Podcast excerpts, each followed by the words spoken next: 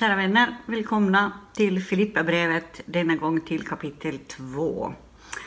Eh, jag har tänkt börja den här sessionen idag genom att hänvisa till två ord som Paulus använder ganska många gånger i brevet till Filipperna.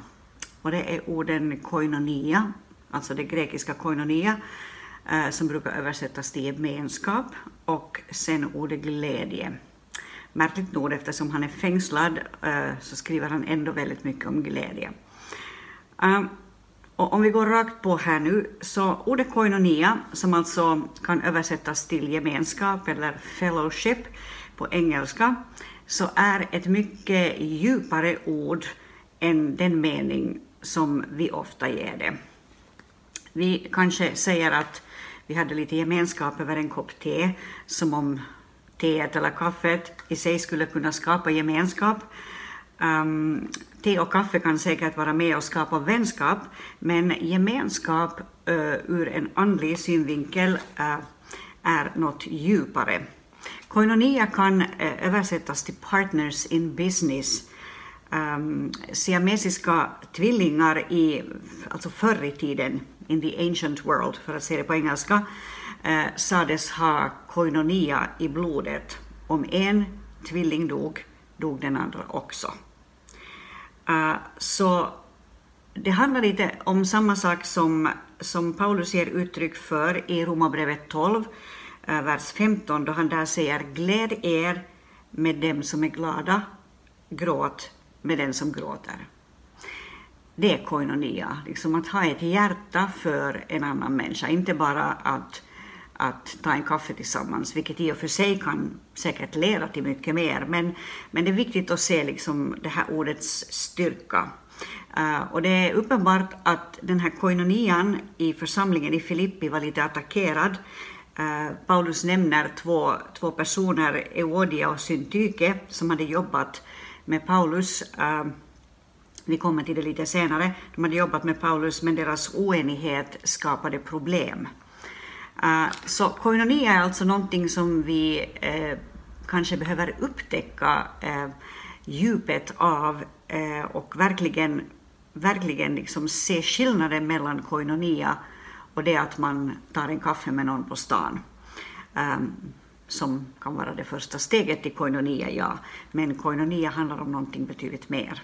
Det andra ordet som också återkommer ofta i eh, Filipperbrevet är ordet glädje. Eh, det är ett annat ord som präglar det här brevet. Eh, Paulus själv har en oviss framtid, han vet inte hur det ska gå. Och ändå är de tre favoritorden som han använder i brevet eh, glädje, eller gläd er, och sen ordet tacksägelse.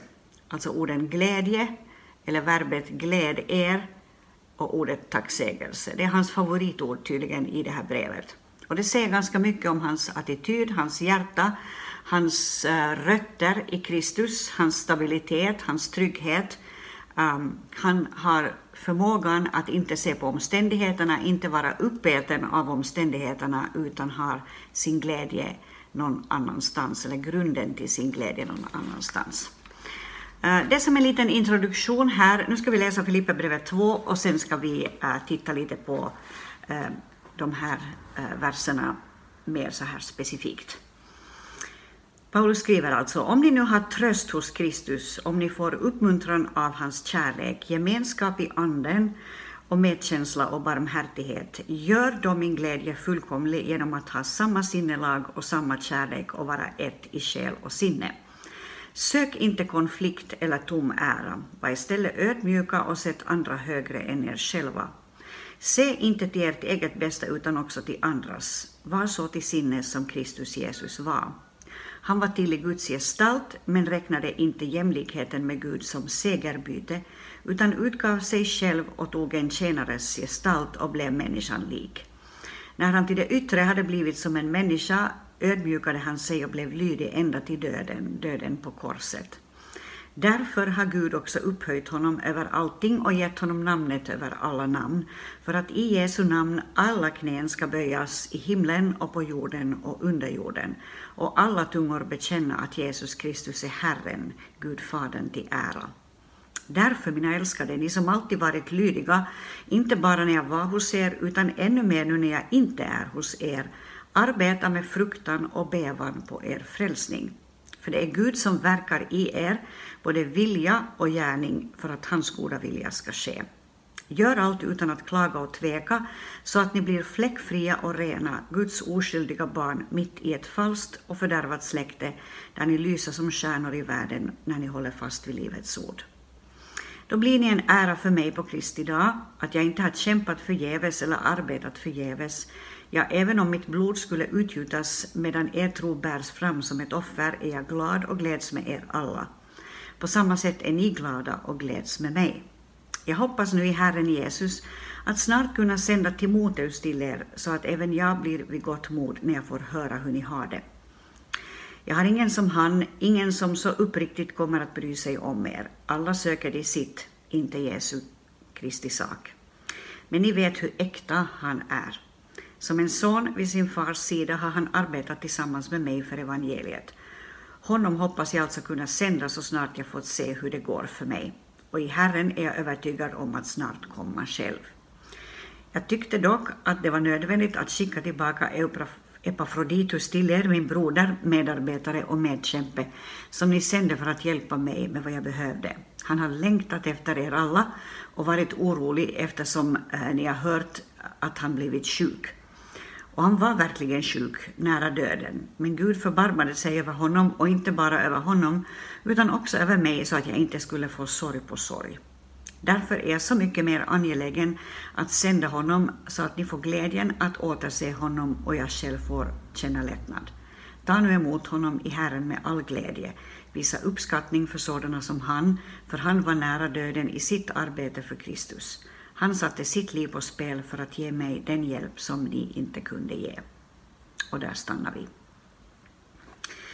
Um, medan jag läste det här så kom jag att tänka på det här um, som jag nämnde förra gången, alltså kring Filipperbrevet 1.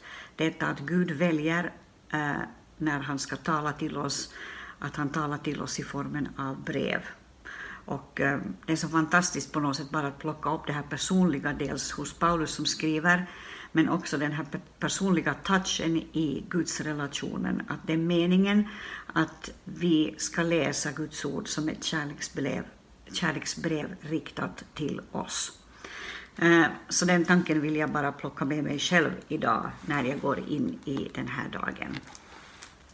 Om vi då går till början av kapitel 2 så säger han så här, notera ordet om där i början. Om ni nu har tröst hos Kristus, om ni får uppmuntran av hans kärlek, gemenskap i anden och medkänsla och barmhärtighet, gör då min glädje fullkomlig genom att ha samma sinnelag, och samma kärlek och vara ett i själ och sinne.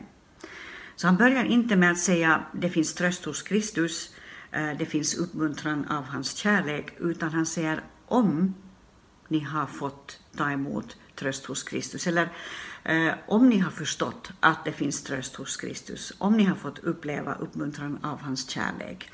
Därmed eh, menar jag inte att det är bara vissa människor som får det, andra får det inte. Men det jag menar är att det är meningen att det som Kristus är för oss och vill förmedla till oss verkligen ska bli verklig tröst, verklig uppmuntran och verklig gemenskap i Anden. Alltså att vi inte bara har en teoretisk tro eller en formell tro, utan att det får sjunka ner så djupt Eh, in i själen och in i hjärtat, att det blir tröst genom Kristus, att det blir uppmuntran av hans kärlek och genom hans kärlek, att det blir gemenskap i anden och medkänsla och barmhärtighet från Guds hjärta, att allt det här verkligen får nå oss. Och därför tror jag att det här ommet finns här. Eh, och det är en bra sån här väckarklocka till oss idag, att har jag förlorat något av den här upplevelsen av tröst hos Kristus eller uppmuntran av hans kärlek, eh, då är det skäl att vända tillbaka till honom och säga låt mig eh, få komma tillbaka till det här. Take me back, som Andrew Crouch sjöng, sjöng för, tänkte säga hundra år sedan, men inte riktigt så länge tillbaka. Uh, och så säger han så här, se inte till ert eget bästa utan också till andras. Var så till sinnes som Jesus Kristus var, eller som Kristus Jesus var. Uh, och så kommer han uh, in i, i det som kallas för um, Kristushymnen um, av, av, av en hel del teologer. Uh, och uh, det finns uh, lite olika teorier kring det här att Eh, var det en hymn som verkligen sjöngs i urkyrkan eller är det Paulus som ibland nog tycker jag mig se när vi läser hans brev att han liksom grips av anden eller han, liksom, han drabbas av en sån här fröjd eller en sån här glädje över vad han har i Kristus och så blir liksom hans text en hymn eh, och den blir, den blir som en sång eh, som uttrycker hans hjärta. Och eh, de kommentarer som jag har läst, eh, och speciellt då um, kommer jag inte ens på hans namn, men den tjocka boken, uh, uh, jag kan återkomma till den när namnet kommer till mig, uh, så speciellt han Paulson så säger så här att han är inte är säker på om det verkligen handlade om en hymn som sjöngs i urkyrkan eller om det handlar om Paulus hjärta som svämmar över.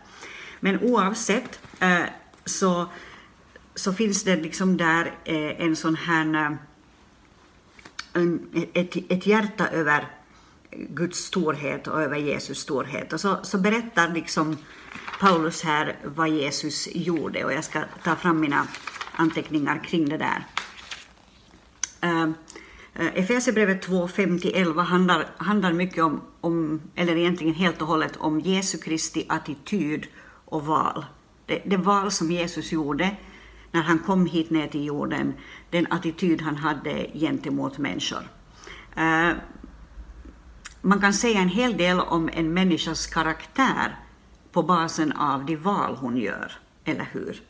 Och här i den här texten, i vers 5-11, så kan vi egentligen läsa en hel del om de val som Jesus gör när han kommer till den här jorden, eller än i det att han kommer till den här jorden.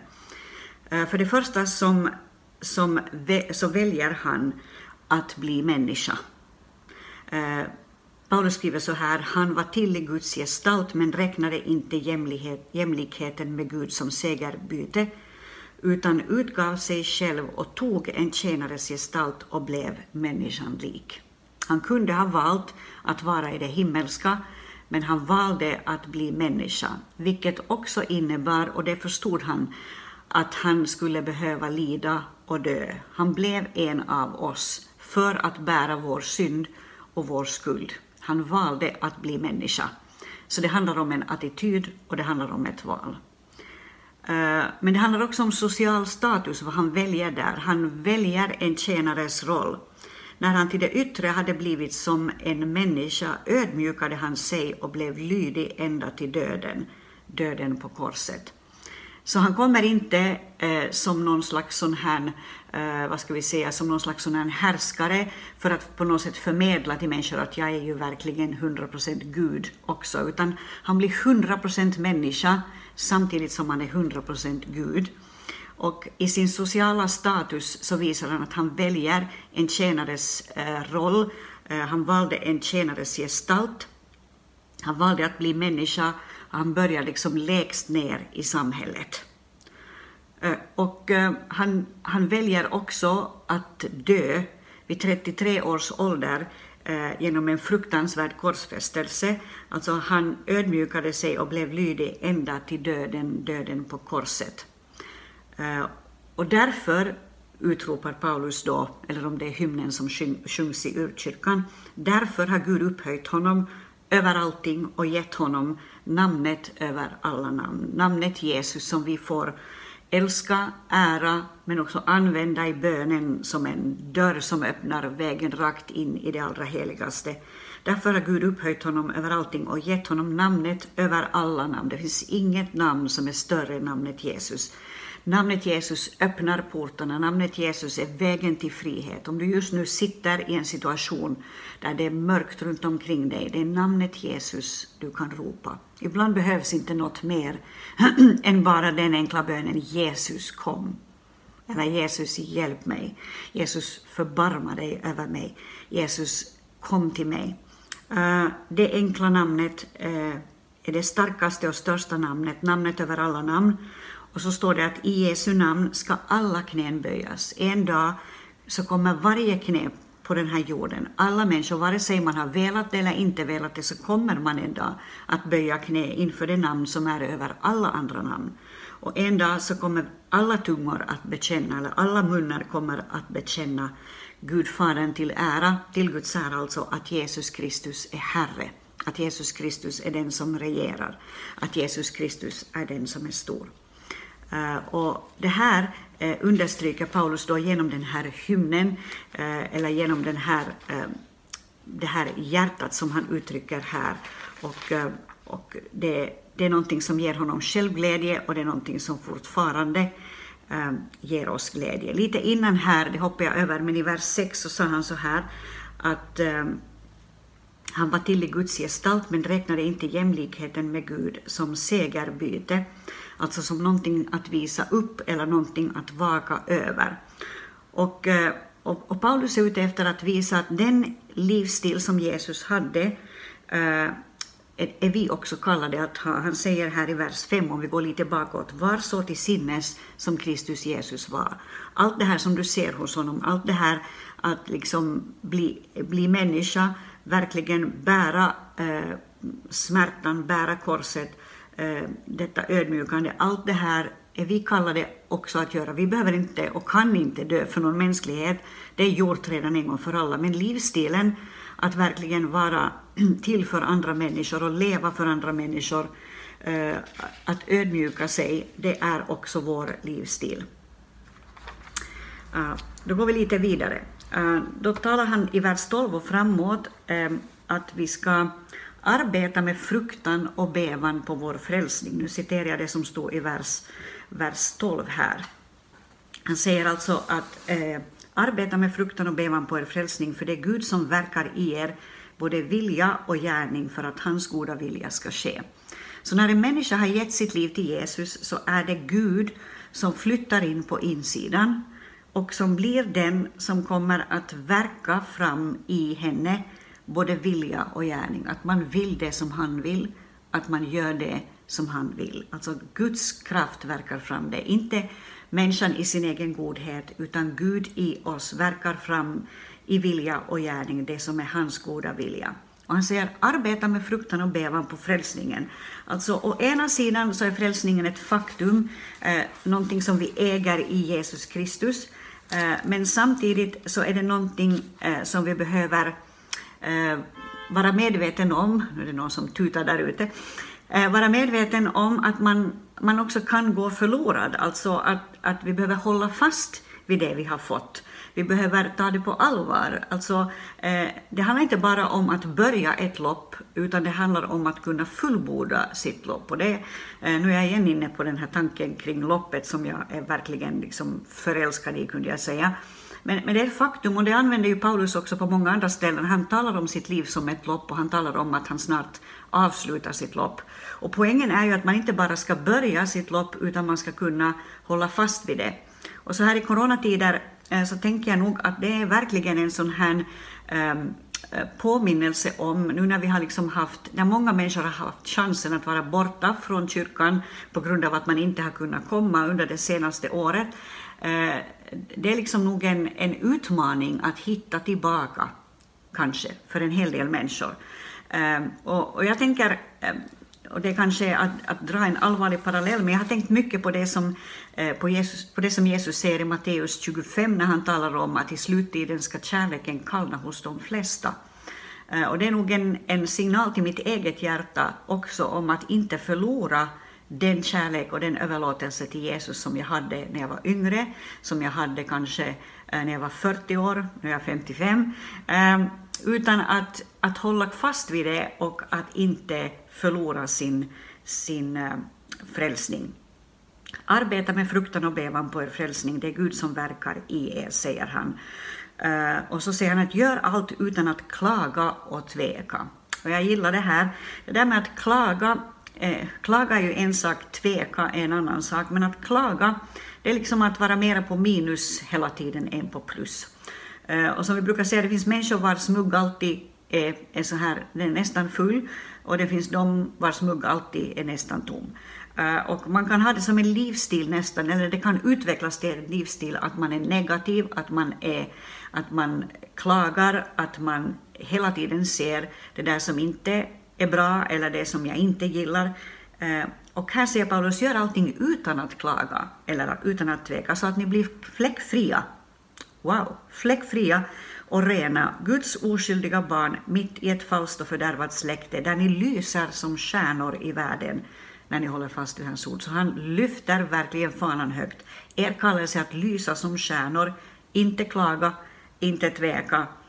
Mitt i ett falskt och fördärvat släkte så ska ni lysa på det här sättet. Då blir ni en ära för mig på Kristi dag, säger han, att jag inte har arbetat förgäves. Så, så han säger alltså att det blir hans glädje på Jesu Kristi dag, detta att de har liksom hållit fanan högt genom hela vägen.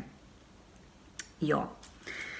Eh, och så börjar han sen skriva om Timoteus och Epafroditus. Eh, I början av det här brevet så står det ju att brevet är från Paulus och Timoteus. Eh, det står i vers 1 i, i kapitel 1.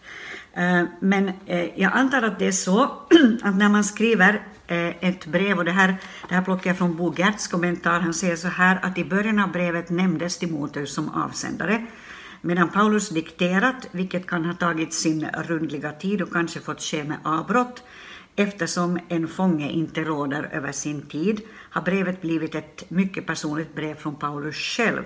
Och när Timoteus nu kommer med i bilden, alltså från vers 19 och framåt, ehm, så behandlas han inte längre som brevskrivare. Paulus säger saker om honom som Timoteus aldrig skulle ha sagt om sig själv. Eh, och och Paulus ger uttryck för det här att han vill sända Timoteus till dem så snart som möjligt eh, och eh, eh på, på ett kort besök för att få nyheter då från Filippi. Eh, så ehm, det, det, är nog ett uttryck för detta, alltså detta att han börjar tala om Timoteus, ett uttryck för att det har tagit sin tid att skriva det här brevet. Han gjorde det inte på en kväll så att säga, utan eh, i början var Timoteus med där, men nu i det här skedet är Timoteus kanske inte med där. Och därför så sägs ganska mycket om Timoteus. Paulus är mycket fascinerad över Timoteus. Jag har ingen, som han säger, han, ingen som så uppriktigt kommer att bry sig om mig. Det finns ett hjärta hos Timoteus Eh, som inte finns hos andra. Han säger alla söker de sitt, inte Jesu Kristi sak. Men underförstått, Timoteus har ett annat hjärta. Och det för ju tanken igen till det som Ordspråksboken säger att framför allt som du ska bevara, ska du bevara ditt hjärta. Därför att det kommer att avgöra hurdan, blir som, hurdan du blir som människa. I vers 22 säger han att, att Timoteus är så äkta, men ni vet hur äkta han är. Som en son vid sin fars sida har han jobbat tillsammans med mig för evangeliet. Och han hoppas då att kunna skicka Timoteus till dem. Så nämner han också Epafroditus, min vän och medarbetare och medkämpe. Eh, och Epafroditus har tydligen varit sjuk, till och med nära döden, men så säger han att Gud förbarmar sig över honom och rörde vid honom så att Paulus inte skulle få sorg på sorg.